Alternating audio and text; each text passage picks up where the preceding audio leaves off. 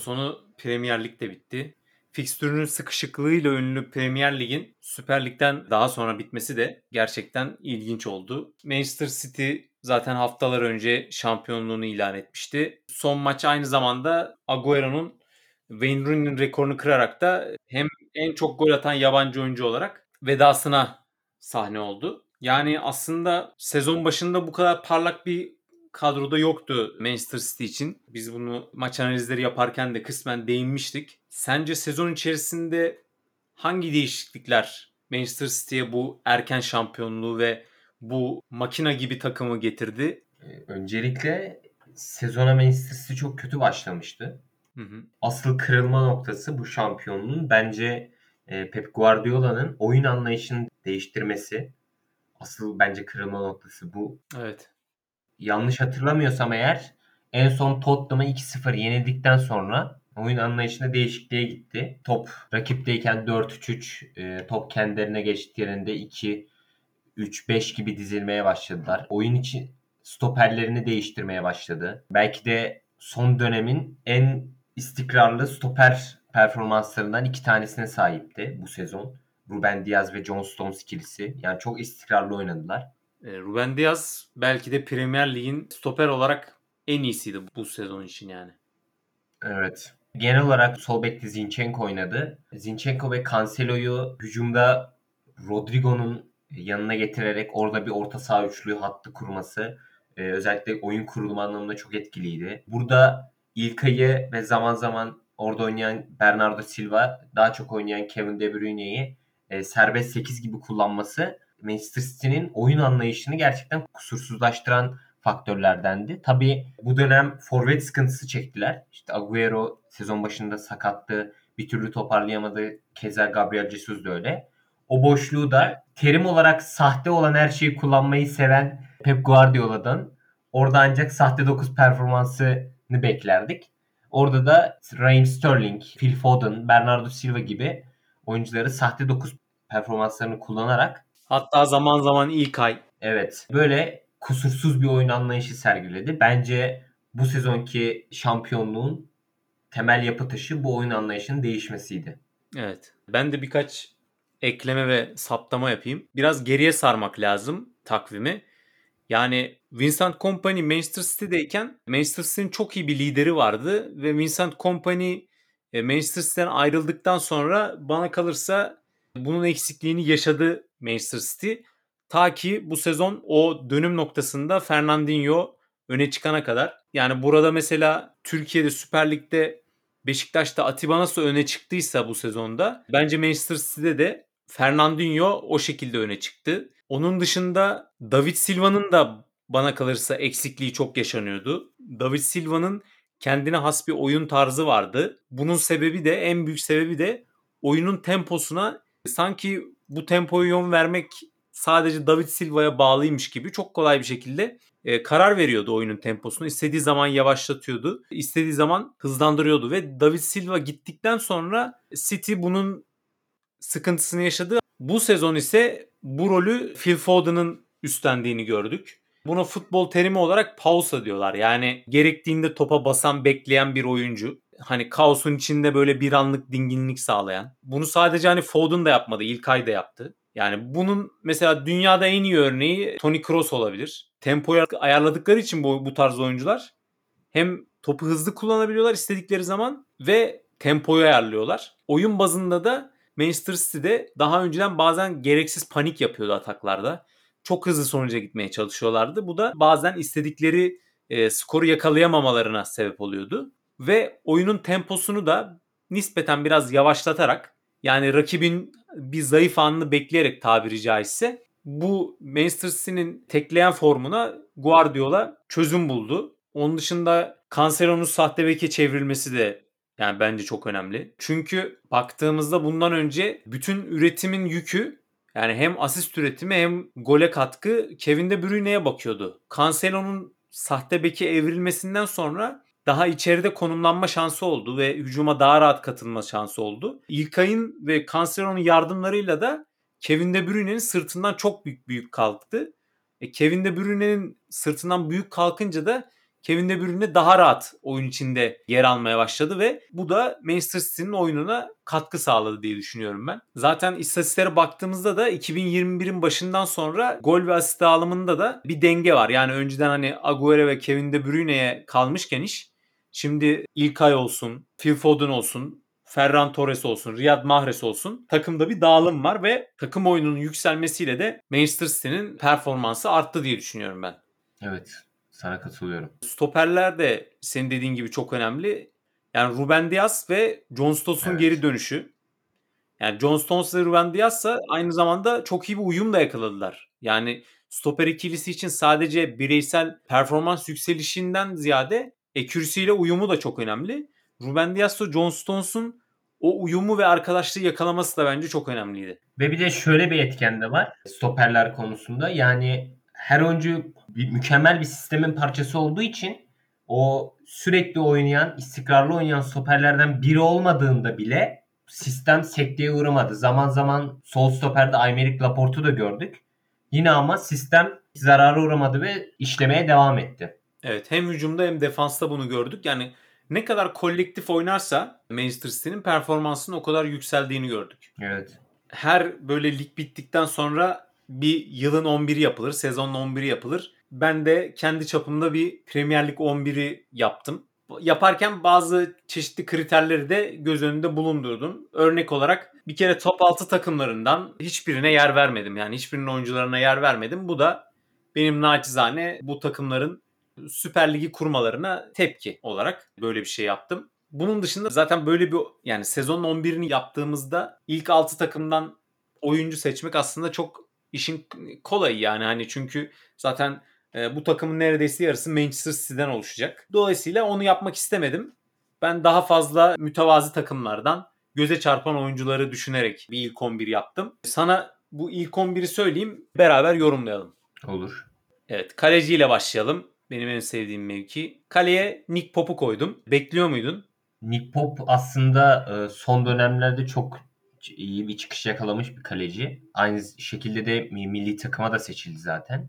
Yani şu an sakat ama geçen sene milli takıma da seçilmişti. Yani senin dediğin gibi eğer bu bir tepki e, ilk 11'i ise en iyi ilk 11'i ise Nick Pop'u beklerim. Buraya belki ya şöyle aslında birkaç kaleci arasında kaldım. Hani çünkü kurtarış bakımından kalecileri istatistiklere bakarak oranlamak biraz zor. Dolayısıyla ben takımlara olan kat yani takımlarına katkılarına da baktım ve modern kalecilik anlayışına göre bir kalecide dikkat edilmesi gereken kriterleri de göz önünde bulundurdum. Buna göre yaptım. Misal olarak hani nispeten daha yeni bir istatistiksel bir terim var. Post shot XG diye. Yani bu post shot XG de e, XG'den sonrasını yani top ayaktan çıktıktan sonrasını inceleyen bir istatistik. Anlaşılması için şöyle diyeyim. İki kez aynı yerden aynı koşullarda iki şut çekildiğini varsayalım. Bu şutların ikisinin de gol beklentisi yani XG'si aynı olur değil mi? İşte bu post shot XG şut çekildikten sonra ne olduğunu mercek altına alıyor. Yani bu bahsi geçen iki şuttan bir tanesi kalecinin üzerine gidiyor. Diğeri de köşeye gidiyor. Post shot XG'si fazla olan köşeye giden oluyor doğal olarak. Buna bakarak da diyoruz ki post shot XG ne kadar yüksekse o topu bir kalecinin çıkarması zor olur. Yani zaten kaleyi tutan top bu. Dolayısıyla bunları göz önünde bulundurduğumuzda yani kaleciyi sadece kurtarış yüzdesine bakarak başarılı bir yani şut karşılama konusunda başarılı kaleci demek pek doğru olmaz. Ama e, kurtarış yüzdesinde de Premier Lig lideri olduğunu söyleyebiliriz Nick Pop'un. Ama dersen ki bana ya bu peki kalesine gelen şutların zorluğu bakımından en iyi kim? Bu konuda en iyisi Sam Johnston, Newcastle'ın kalecisi. Ama ben kolektif olarak baktığım için yani bir ortalama belirlediğim için Sam Johnston ortalamaya baktığımda en iyi kaleci olmuyor. Nick Pop'u koymamın diğer bir nedeni ortalama 53 metre pas mesafesi var Nick Pop'un. Yani uzun pasları çok iyi. %74 uzun pas isabeti var. Yani bir kaleci için oyun kurma çok önemli. Onun dışında defansif aksiyonları önemli. Libero kalecilik yani diğer bir deyişle. Ee, Nick Pop'un da maç başına 1.28 defansif aksiyonu var. Yani karşılaştırma açısından Alisson 1.33. Yani Alisson'dan sonra ikinci sırada Premier Lig'de. 1.28 defansif aksiyon. Yani bu kalesinden çıkıp topu uzaklaştırma vesaire. Bunların hepsi sayılıyor buna. Bunun dışında %12.9 yan top başarısı var. Yani bunu demek istediğim şu. Ceza sahasını atılan ortalardan topa sahip olma yüzdesi. Bu konuda Premier Lig'de birinci sırada. Ve takımı olan katkısına da göz önüne bulundurdum ben her mevki için. Burada da yani Burnley'nin biliyorsun ki ucu ucuna ligde kaldılar ve ligde kalmasının ana unsurlarından olduğunu düşünüyorum ben. Nick Pop'un. Bu sebeplerden dolayı da ben onu sezonun 11'ine koydum. Ben belki kaleye Emiliano Martinez'i de seçebilirdim ya. Evet o da yani o da zaten ilk 3'e girebilirdi. Yani Emiliano Martinez'in de çok başarılı performansı vardı bu sene. Ama Emiliano Martinez'in bu Nick Pop'taki ve Alisson Becker'deki bu libero kaleciliği biraz eksik. Yoksa diğer konularda dediğin gibi e, zirveye çok yakın Emiliano Martinez'de. Gelelim sağ beke. Sağ beke e, Luke Ayling'i koydum Leeds United'dan. Tam bir istikrar abidesi. Kesinlikle. Tam bir cengaver. Yani bütün takımın pis işlerini yapmaktan usanmaz. İkili mücadeleye girer, stoper oynar. Ve buna rağmen hiç de kırmızı kart görmedi. 38 maçın 38'inde de sahadaydı. Ve en fazla top kesmede Premier Lig oyuncuları arasında 9. sırada 58 top kesmesi var. Top kazanma açısından da çok değerli bir oyuncu. Premier Lig'de bütün Premier Lig oyuncular arasında 4. sırada 67 top kazanmayla. Ve bana göre Luke Ayling'in en büyük oyuna katkılarından biri ileriye oynanan pasta yani yana ve geriye oynananlar çıkarılmış bir şekilde ileriye oynadığı paslar ve ileriye götürdüğü toplar driplingle. İleriye oynayan paslarda da Premier Lig'de 7. sırada ve %79 pas isabeti var. Yani ileriye doğru oynadığınız paslarda yani oynadığınız paslar ekseriyetle ileriye doğruysa bu oranı yakalamak da çok zor. Yani %79 pas isabetinden bahsediyoruz. Bana göre bir bekin uzun paslarının başarılı olması çok önemli. Yani hem orta açısından hem de savunma arkasına top atma e, açısından. Ve Premier Lig'de tüm oyuncular arasında yani bunu hücum oyuncuları da dahil en çok top taşıyan da 9. oyuncu. İleriye top taşıma açısından. Ve %62.5 dribbling başarısı elde etmiş. Burada hani belki sen söylemeden ben söyleyeyim. Hani Kufal'in e, ofansif evet. metrikleri daha yüksek West Ham'daki. Evet tam diyecektim ben de. Ben şunu da ama katıyorum demiştim sana. Bir oyuncu sahadayken takımına ne katmış? Şimdi burada da Luke Ayling sahadayken Leeds United'ın gol beklentisi Kufal sahadayken West Ham'ın gol beklentisine göre daha fazla. Yani kolektif oyuna katkı bakımından Luke Ayling e, daha önde olduğu için ve diğer parametrelerde de daha önce olduğu için ben Luke Ayling'i tercih ettim ama Kufali de tabii ki tercih edilebilir buraya. Çünkü Kufal'in hani asistleri de var. Luke Ayling rakamlara baktığımızda yani gol ve asiste baktığımızda belki biraz aşağıda kalıyor gibi aslında öyle değil. Yani evet. şöyle söyleyeyim gol beklentisi Kufal'in mesela 1.2 e, Luke Ayling'in 1.4. Yani biraz Luke Ayling gol beklentisinin altında kalmış. Yani asist beklentisi de 2.6. Luke Ayling ama asist yapamadı bu sene. Evet, ben senin dediğin gibi de yani Vladimir Kuhral'ı alabilirdim. O da 7 asist, %71.2 e, pas isabeti ve e, maç başına 1.6 hava topu, 2.1 top çalma, 1.2 top kesme, 2.6 uzaklaştırma ve 1.3 kilit pasla oynamış. Yani benim tercihim Kufra olabilirdi. E, bunlar da gerçekten değerli istatistikler. Evet. Kufal'e göre Luke Ayling'in biraz daha uzun pas özelliği ve e, defansif parametreleri nedeniyle Ayling'i tercih ettim. Bu listeye yani buraya belki Kastanya da girebilirdi ama e, o da uzun bir sakatlık yaşadı biliyorsun. O yüzden onu evet. yazmadım ben. Diyelim ve sol beke geçelim. Sol beke de ben Aston Villa'dan Matt Target'ı koydum. Yani biraz farklı bir tercih gibi görünebilir. İki asisti var. Kırmızı kart açısından çok iyi bir sezon geçirdi. Hiç kırmızı kart görmedi. Benim Matthew Target'ı tercih etmemin sebebi de çok yönlü bir bek olması. Yani hiçbir şeyi kötü yapmıyor. Belki birçok şeyi çok iyi yapamıyor ama hiçbir şeyi kötü yapmıyor e, bana sorarsan. %76.2 başarılı driblingle Premier Lig'de 8. sırada. Bence bu çok önemli. Bir bekin ileriye top taşıması tıpkı Luke Ayling'de olduğu gibi. En fazla top kazanmada da yani bu Luke Ayling'in dördüncü olduğu listede de 57 top kazanma ile 7. sırada Matt Target. İleri oynanan paslarda yine Premier Lig oyuncular arasında 4. sırada. Yani defansif istatistikleri bakımından hani muadil sol beklere göre çok üst sıralarda değil. Onu kabul ediyorum.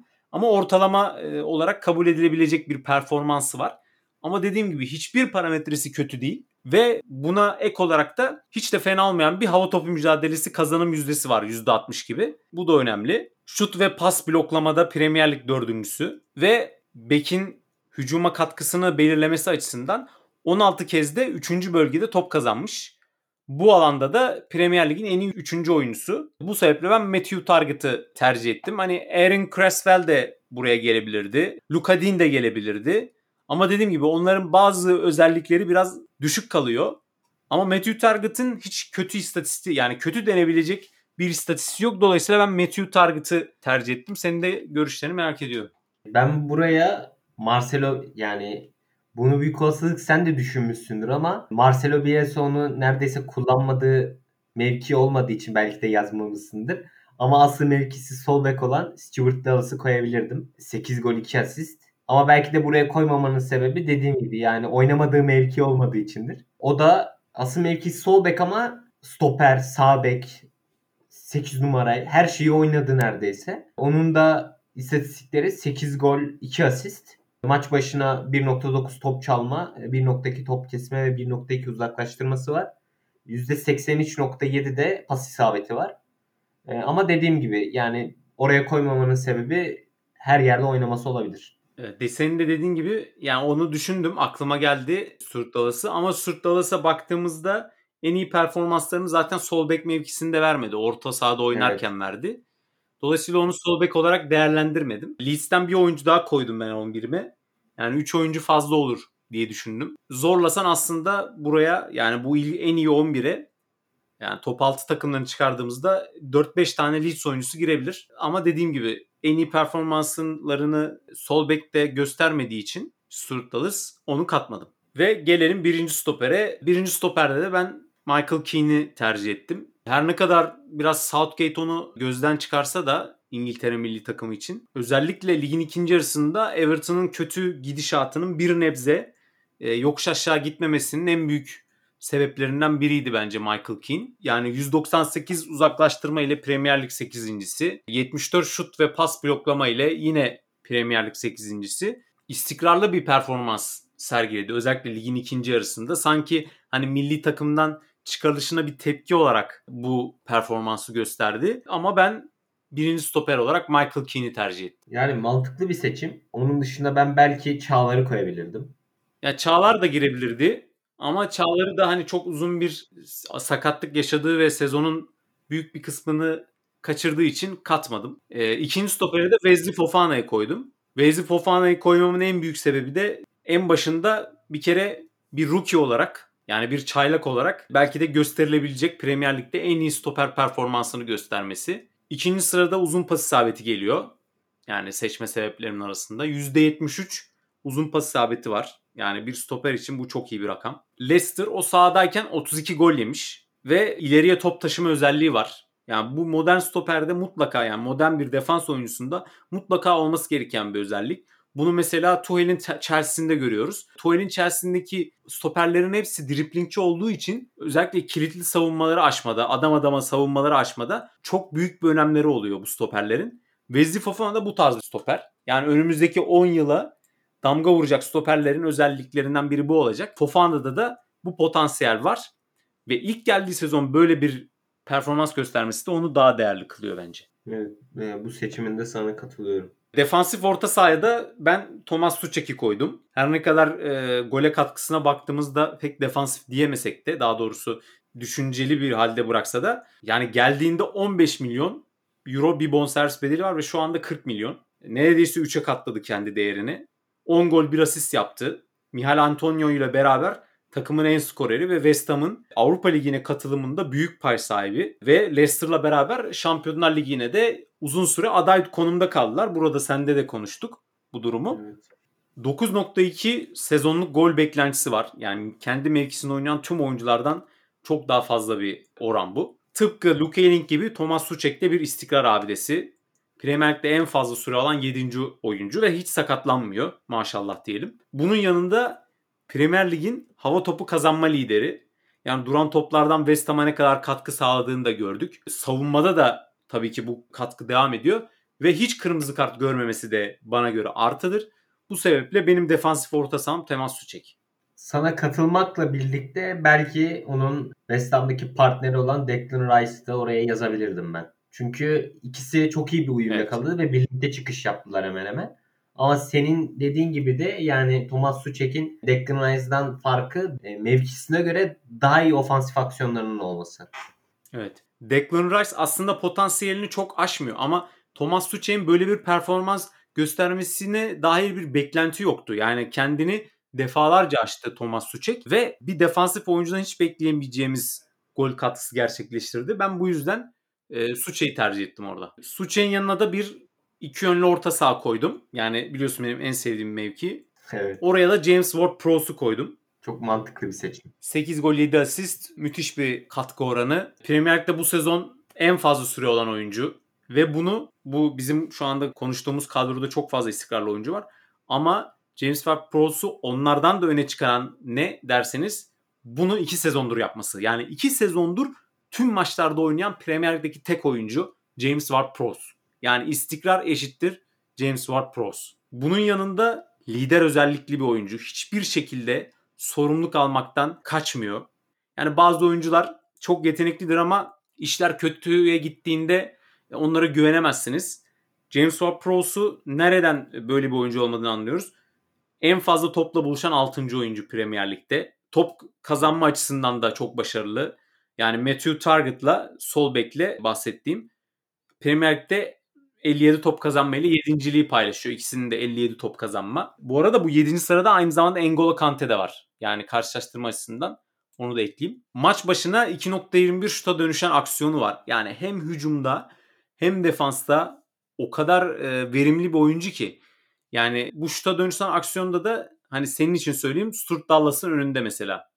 Hani senin için hani orta sahada e, konabilecek tahmin et oyunculardan biri Stuart Dallas'ı. O mesela Stuart Dallas'tan önde ve top çalma yüzdesi olarak da yani dribbling atan oyuncudan top çalma yüzdesi bakımından da Endidid'in hemen arkasında. E, %39.2 ile. Son olarak da kilit pasları. James Ward-Prowse'un 3. bölgeye attığı kilit paslar da çok önemli. Anahtar pas yani daha doğru bir tabirle. Hiçbir şekilde riskli pas denemekten çekinmiyor.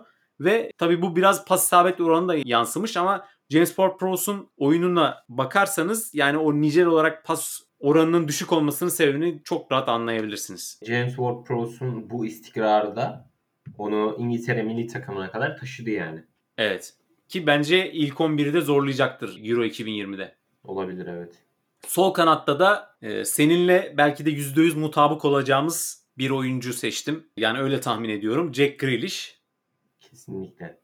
26 maçta 6 gol ve 12 asist. Yani sakatlığından dolayı 12 maç kaçırdı bu sezon. Ona rağmen bu istatistikleri yakaladı. Dolayısıyla hani hem yani orta ölçekli bir sakatlık yaşadı ama diğer uzun sakatlık yaşayan oyunculardan daha düşük düzeyde bir sakatlık yaşadığı için ben Jack Grealish'i değerlendirmemi aldım ve Aston Villa eğer bu sezon küme düşme riski yaşamadıysa bana göre en büyük sebeplerinden biri de Jack Grealish'tir. Jack Grealish gibi bir kadroda liderin olmasıdır.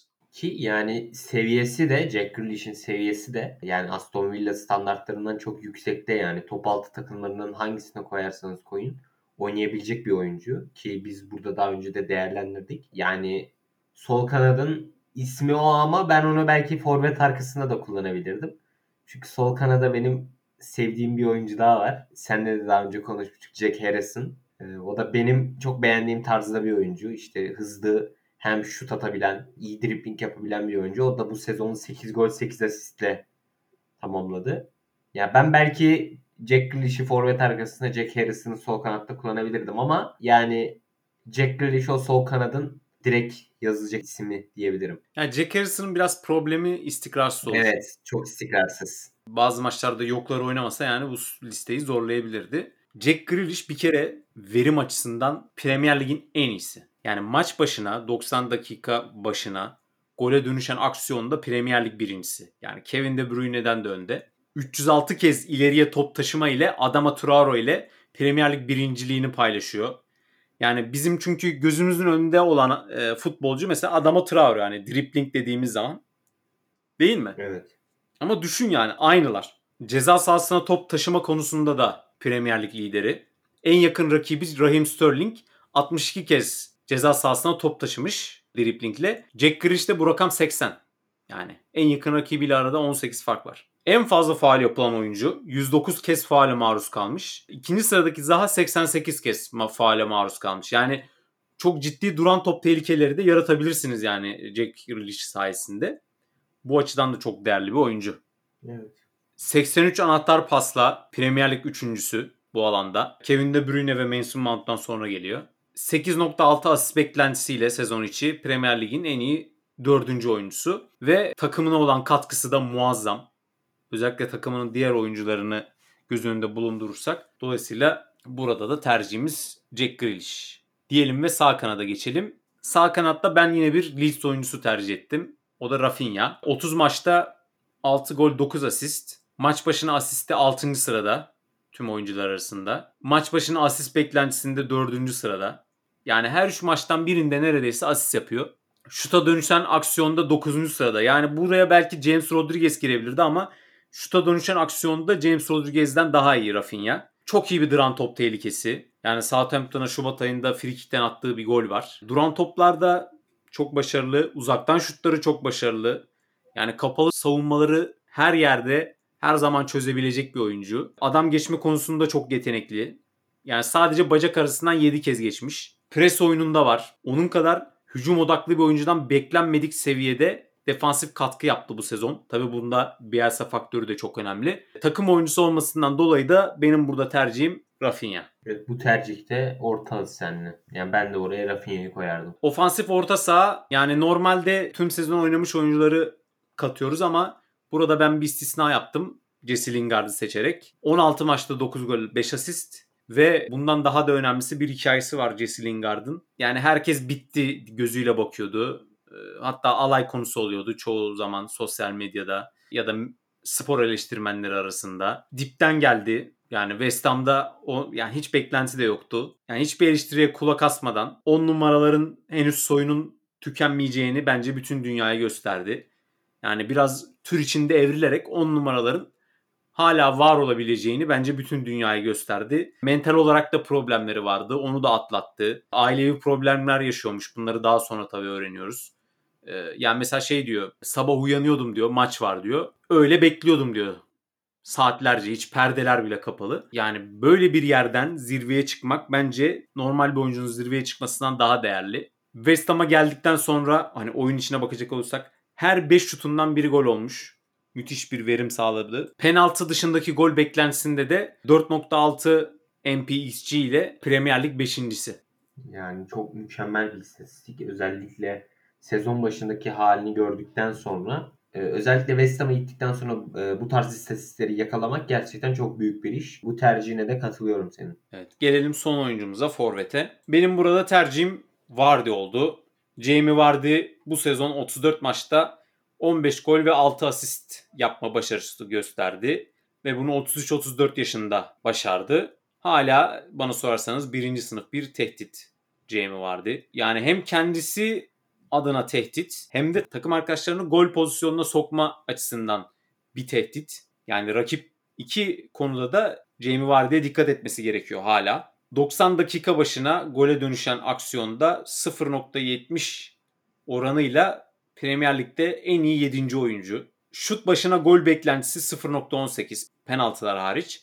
Yani çok başarılı bir penaltıcı olduğunu da biliyoruz ama penaltıları katarsak bu oran çok yükselir. O yüzden penaltıları e, çıkardık bu istatistikte. Premier Lig'de 8. sırada. 90 dakika başına gol beklentisinde Premier Lig lideri. 0.62 gol beklentisi var maç başına. Ve asiste de Premier Lig'de de yani 90 dakika maç başına asist beklentisinde de Premier Lig'de 8. sırada. Bir forvet için bu da çok değerli. Komple bir forvet olması açısından. Enerjisini çok idareli kullanıyor. Yani yaşının da ilerlediğinin farkında. Müthiş bir topa ilk dokunuşu var. Çektiği şutları adeta böyle hani mermisi azalmış bir asker gibi çok iyi saklıyor. Yani boş şut çekmiyor. Bunu zaten şut başına gol beklentisini de de gösteriyor bunu. Ve bunları hani kendini çok ciddiye almazken böyle şakalar yaparken yapabilmesi de ayrı bir güzel. Ligin ikinci yarısında biraz formu düştü. Buraya dolayısıyla farklı rakipler edindi. Hani Patrick Bamford gibi, Oli Watkins gibi ama bence bu konuda zirve hala Yani top altı takımlarını çıkardığımızda Jamie Vardy'de. Yani Jamie Vardy bu sene bence kendi standartlarının altında bir sezon geçirdi. Tabii yaşı da ilerliyor onu da katmak lazım ama yani benim forvetli adayım ya Jamie Vardy olurdu ya da Patrick Bamford olurdu. İkisinden birini tercih ederdim. Yani Bamford'un skor katkısı da çok iyi ama takımının puan almasına katkı açısından Jamie Vardy Bamford'dan daha önde. Evet. Dolayısıyla ben ikisinin arasında biraz düşündüm ama Wardy'yi tercih ettim. Yani hani ben biraz 4-2-3-1 gibi düşündüm bu kadroyu. Orta saha ikilisinin biri defans orta saha, biri iki yönlü orta saha olacak şekilde. Benzer bir en iyi 11'i de Süper Lig için ben senden bekliyorum. Ee, senin tercihlerini merak ediyorum Süper Lig için. Ee, hem sen benden çok daha iyi takip ediyorsun Süper Lig'i. Süper Lig'de senin en iyi 11'in ne oldu? Benimki e, seninki gibi bir e, tepki 11 değil.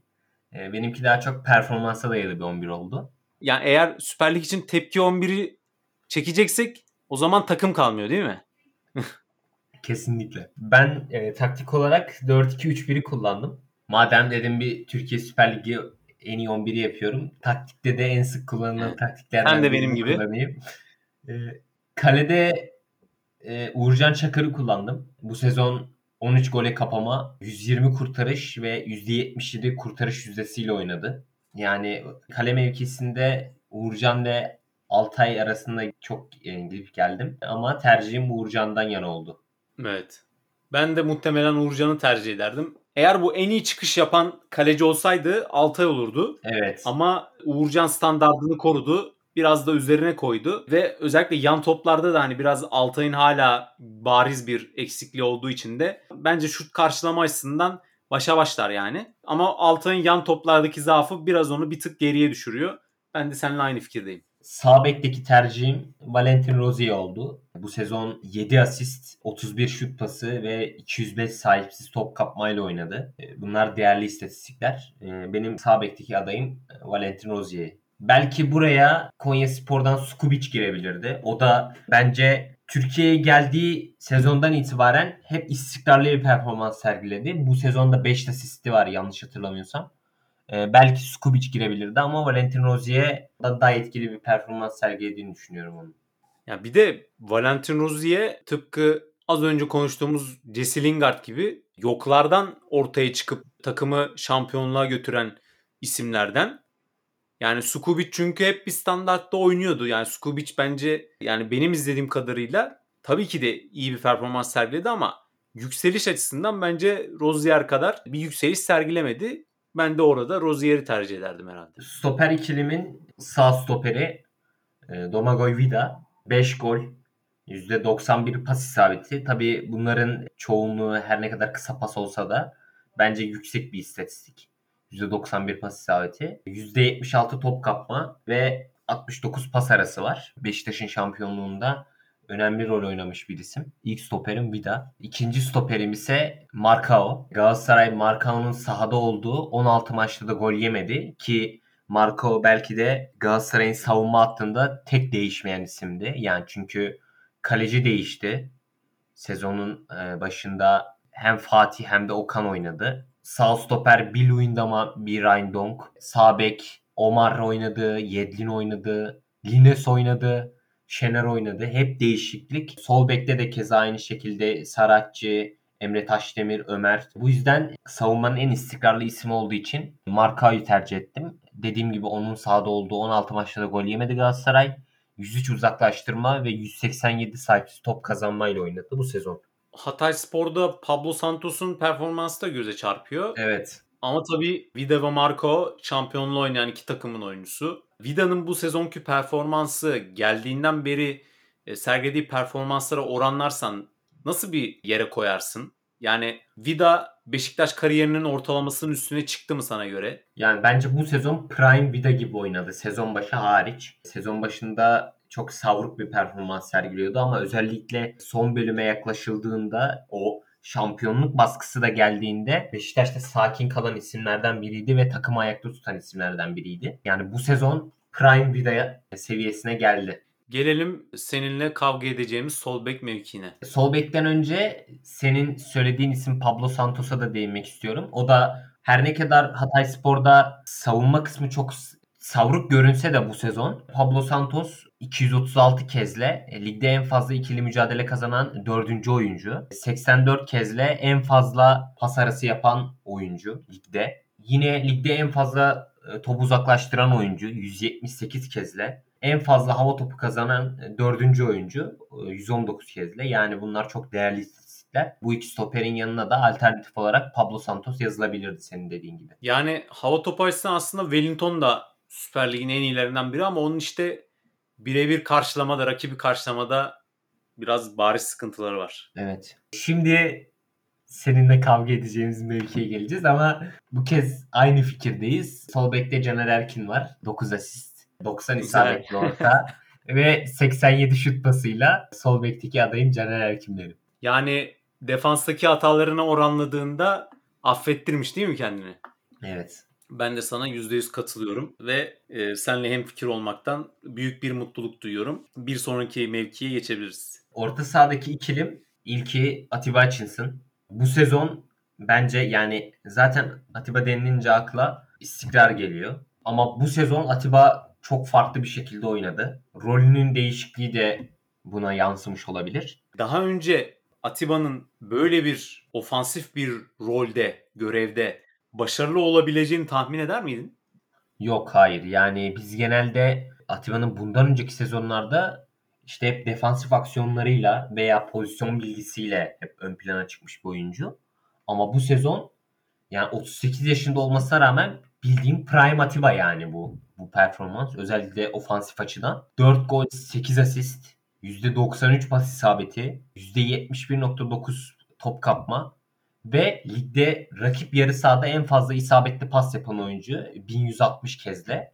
Ya bunlar çok değerli istatistikler. Evet. Burada soğukkanlılığın da çok önemi var. Kesinlikle. Atiba'nın soğukkanlı olmasının çok önemi var. Orta sahadaki bir diğer ismim ise bu sezon bence çok iyi bir çıkış yakalamış. Zorunluluktan o mevkide oynamış ama Galatasaray'dan önceki kariyerlerinde daha çok 8 numara veya çift yönlü orta saha gibi kullanılmış bir oyuncu olan Taylan Antalyalı. Taylan bu sene çok iyi bir çıkış yakaladı söylediğim gibi. E, ve milli takıma da davet aldı bu çıkışıyla da. %88 pas isabeti, 232 sahipsiz top kazanma, 62 pas arası ve rakip yarı sahada en fazla isabetli pas yapan 3. oyuncu 985 kez de. Atiba'nın yanına da Taylan Antalyalı'yı koydum. Peki Taylan'ın çok başarılı bir sezon geçirdiğine katılmakla beraber Atiba'nın yanına Ozan'ı diye düşünmedin? Ozan da olabilirdi ama Taylan'ın bu seneki çıkışı daha göz önündeydi. Yani çünkü Ozan'ın da belli bir istikrarı var sonuçta. Ama Taylan'ın bence bu seneki performansı en iyi 11'i hak ettiğini düşünüyorum. Ama dediğim gibi Ozan da yazılabilirdi buraya. Ya Ozan da Ozan da gol ve asist açısından kariyer rekorunu kırdı. Evet. Yani ben herhalde buraya Ozan'ı yazardım. Forvet arkasında normalde kendisi bir sol kanat oyuncusu ama ben onu forvet arkasında kullandım. Çünkü sergilediği performans gerçekten çok etkili. Sivas Spor'dan Max Gradel 11 gol 14 asist. Rakip ceza sahasında en fazla topla buluşan ikinci oyuncu ligde 186 kezle. Ve ligde en fazla çalım atan 5. oyuncu 80 kez ile. Ve geçen sene Sivas Spor'a baktığımızda ön plana çıkan iki oyuncu vardı. Emre Kılınç ve Mert Hakan Yandaş. Onların geçen sene takıma verdiği katkının toplamını hatta toplamından daha fazlasını Max Gradel tek başına verdi. Ve Sivas Spor'un ligi 5. bitirip Avrupa'ya gitmesinde de çok önemli bir pay sahibi kendisi. %100 katılıyorum. Yani bedelsiz gelip basketbol tabiriyle double double yapmak. 11 gol, 14 asist. Her yiğidin harcı değil. 33 yaşında Süper Lig'in belki de yıldızı oldu o mevki için.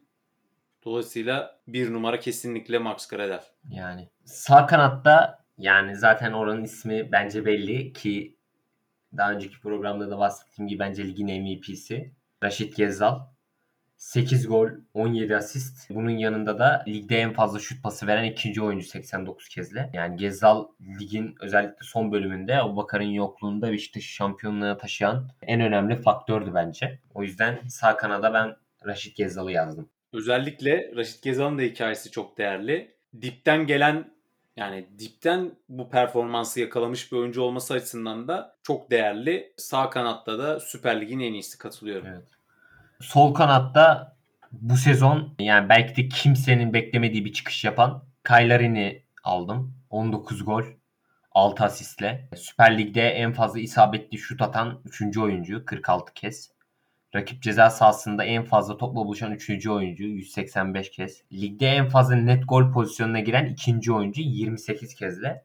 Buraya alternatif olacak bir diğer performans ise Adem Büyük'ündür bence. Özellikle Malatya Spor'un belli bir dönem düşme potasından düşme potasındayken o potadan kurtulmasında başroldeydi. Adem Büyük de bu sezon 17 gol, 3 asist ve bu, bu istatistik benim biraz garibime gitti. Bayağı da şaşırdım. E, ligde en fazla ikili mücadele kazanan oyuncu kendisi. 294 kezle. Ve maç başına 2.2 şut, 1.1 kilit pasla e, Malatya Spor'da da en iyi istatistik onda. Ve yine maç başında 1.7 top çalması da var. Yani Larry'nin alternatif olarak da Adem Büyü'yü düşünebilirdim ben oraya. Tabii yani rakam olarak pek yaklaşamasalar da yine bence hiç fena rakamlara sahip olmayan Envakame ile Emrah Başsan zorlar mıydı orayı? Yani gerçi birilikten düştü ama. Ya Vakayeme zorlayabilirdi ama Emrah Başsan da şöyle zorlardı. Erzurum'u ligde tutsaydı zorlayabilirdi. Ama dediğim gibi Envakayeme zorlayabilirdi. Bu arada sağ kanadı da Karagümrük'ten Endao ve Göztepe'den Halil Akpınar da alternatif olarak söyleyebileceğim isimlerden. Endao bu sezon 11 gol 9 asistle oynadı. Karagümrük'ün bu sezonki çıkışında çok önemli bir etkendi. Halil de çok istikrarlı gidiyor. O da bu sezon 9 gol 13 asistle tamamladı. Sağ kanatta da alternatif isimlerim onlardı. Forvet bölgesinde Arun Bupenza'yı kullandım. 22 gol. Gol kralı kendisi. Süper Lig'de en fazla isabetli şut atan oyuncu 54 kezle. Ligde en fazla net gol pozisyonuna giren 4. oyuncu 24 kezle.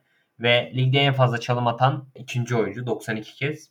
Buradaki diğer alternatif performansım ise Gaziantep Spor'dan Muhammed Demir'in 15 gol 5 asist. Maç başına 2.8 hava topu kazanma istatistiği var ve Antep'teki bu en iyi ikinci istatistik. Birinci de zaten Ciloboci. Yani Muhammed Demir'i kullanabilirdim. Onun dışında da Hatay Spor'dan biraz bu Penza'nın gölgesinde kalmış bir isim olan Mamed Yuf'u diyebilirim. O da bu sezon 19 gol 5 asist oynadı.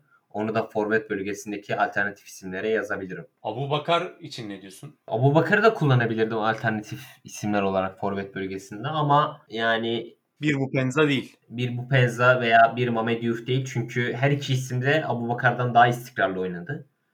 Ki Abu Bakar Lig'in son bölümünde yoktu zaten Beşiktaş'ta. O yüzden hem istikrar açısından bu Penza, Diouf ve Muhammed Demir'i Abu Bakar'ın ben önünde görüyorum. Diyelim ve tekrar Avrupa'ya uzanalım. Bu hafta sonu seninle burada da biraz bahsetmiştik. Lille'in şampiyonluk ihtimalleriyle alakalı olarak. Yani Lens'i geçerse büyük ihtimal şampiyon demiştik. Nitekim de öyle oldu. Sanki yerli bir takım şampiyon olmuş gibi sevindik. 3 tane Türk oyuncunun oynadığı Lille takımı şampiyon olunca e, güzel görüntüler de oluştu. 3 tane Türk bayrağı gördük sahada aynı anda. Ben demiştim hatırlarsan hani Lens'in hala Avrupa iddiası olduğu için biraz zorlanabilir diye. Saint Etienne maçında daha çok zorlandılar 0-0 biten. Ama son maçta çok rahat bir şekilde galibiyet alarak Paris Saint Germain'in önünde ligi şampiyon bitirmeyi başardılar. Bence çok değerli bir şampiyonluk. Hele ki PSG gibi bir devin önünde bitirmek ligi.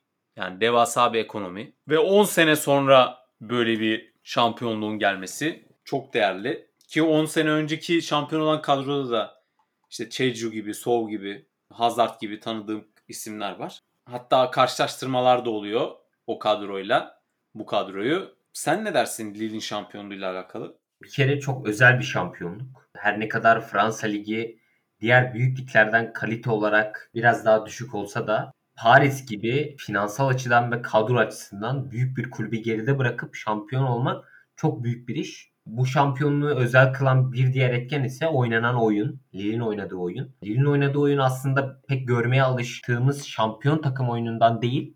Çünkü Lille aslında bir savunma takımı. Yani genelde işte podcast'in başında bahsettiğimiz gibi yani City'nin oynadığı oyun tarzı veya işte Almanya'da Bayern Münih'in oynadığı oyun tarzıyla şampiyon olan kulüpler açısından diyorum. E, çok farklı bir oyun yapısına sahip. E, Lille bir savunma takımı ve bu tarz bir oyun ile gelen şampiyonluk sayısı çok azdır. Bence diğer bir e, önemi de bu şampiyonluğun bu. Bu şampiyonluğun ülkemiz ve liglerimiz için değeri de Lille'in şampiyonluğunda önemli rol oynamış 3 Türk futbolcumuzun hatta birisinin kral gibi görüldüğü lakabı gibi kral gibi görüldüğü bir şampiyonluk Fransa'daki takımların radarına daha fazla Türk futbolcu girmesine sebep olabilir. Hem Süper Lig hem de alt ligler için. Çünkü Fransa'ya sadece Süper Lig'den futbolcu göndermedik. Zeki Çelik alt ligden İstanbul Spor'dan gitti ve aynı şekilde Lyon'da Altay'dan Cenk Özçakar'ı transfer etmişti. Bu şampiyonluğunda e, bu gibi oyuncularımızın Avrupa'ya gitmesine neden olabileceğini düşünüyorum ben.